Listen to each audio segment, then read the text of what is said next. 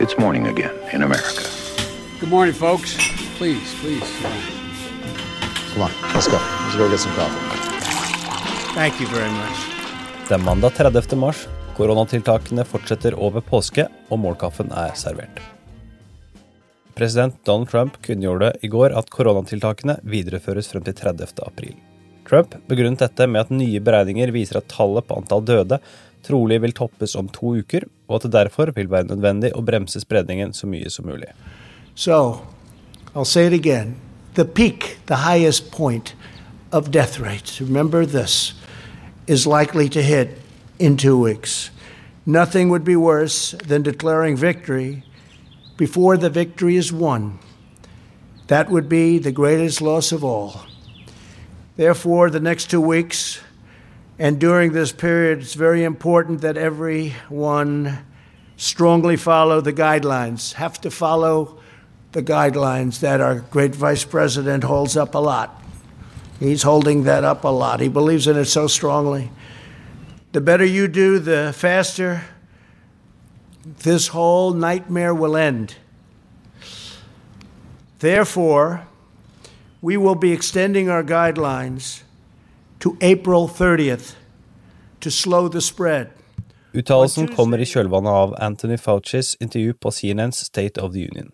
I intervjuet uttalte direktøren ved National Institute of Allergy and Infectious Diseases at beregninger viser at millioner av amerikanere kan bli smittet, og at mellom 100 000 og 200 000 mennesker kan miste livet som følge av koronaviruset.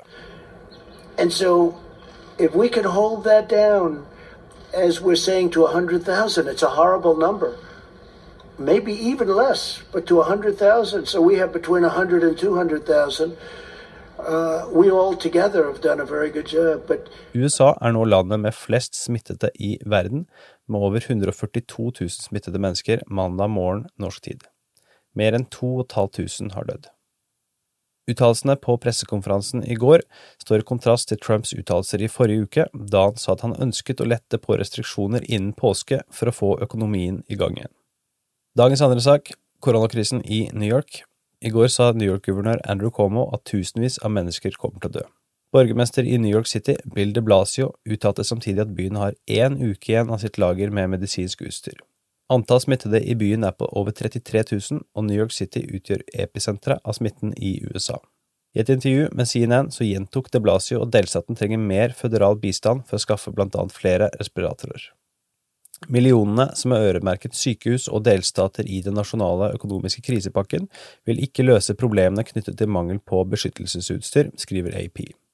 Koronakrisen har avdekket at det oppsplittede anskaffelsessystemet for kritisk smittevernsutstyr fører til at sykehus, delstater og FIMA, som koordinerer føderal beredskap i forbindelse med katastrofer, ender opp med å by mot hverandre og bidra med det til å drive opp prisene.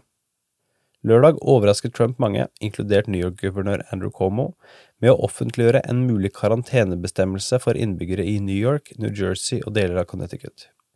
Trump gikk senere samme dag tilbake på uttalelsene. Cuomo uttalte på pressekonferansen i går at Trumps uttalelse ga mange av delstatens innbyggere panikk. Myndighetene skal ha blitt nedringt av innbyggere, og mange skal ha flyktet fra området, hvilket trolig har bidratt til ytterligere spredning av viruset, skriver Axios. Søndag utvidet New York-guvernør Cuomo anmodningen om at innbyggere som ikke har en samfunnskritisk funksjon, må arbeide hjemmefra inntil 15. april. Samme dag skrøt Trump av at hans daglige koronabrifinger har gode seertall, ved å sammenligne dem med tallene til sesongfinalen til realityserien The Bachelor. Dagens siste sak, Trump nærmer seg Biden i ny nasjonal måling. I en ny måling fra Washington Post og ABC News så ligger Trump og demokratenes sannsynlige presidentkandidat Joe Biden tilnærmet likt. Biden får 49% mens Trump får 47% hos registrerte velgere. Ifølge meningsmålingen har velgerne mer tillit til Trumps styring av økonomien, mens Biden har mer tillit på helsepolitikk. Det kan samtidig være verdt å nevne at det er veldig tidlig i denne krisen, at det kommer til å skje mye mellom nå og november. Dagens utgave av Morgenkaffen er servert av Vilde Ørnung og undertegnede Are Togoflaten.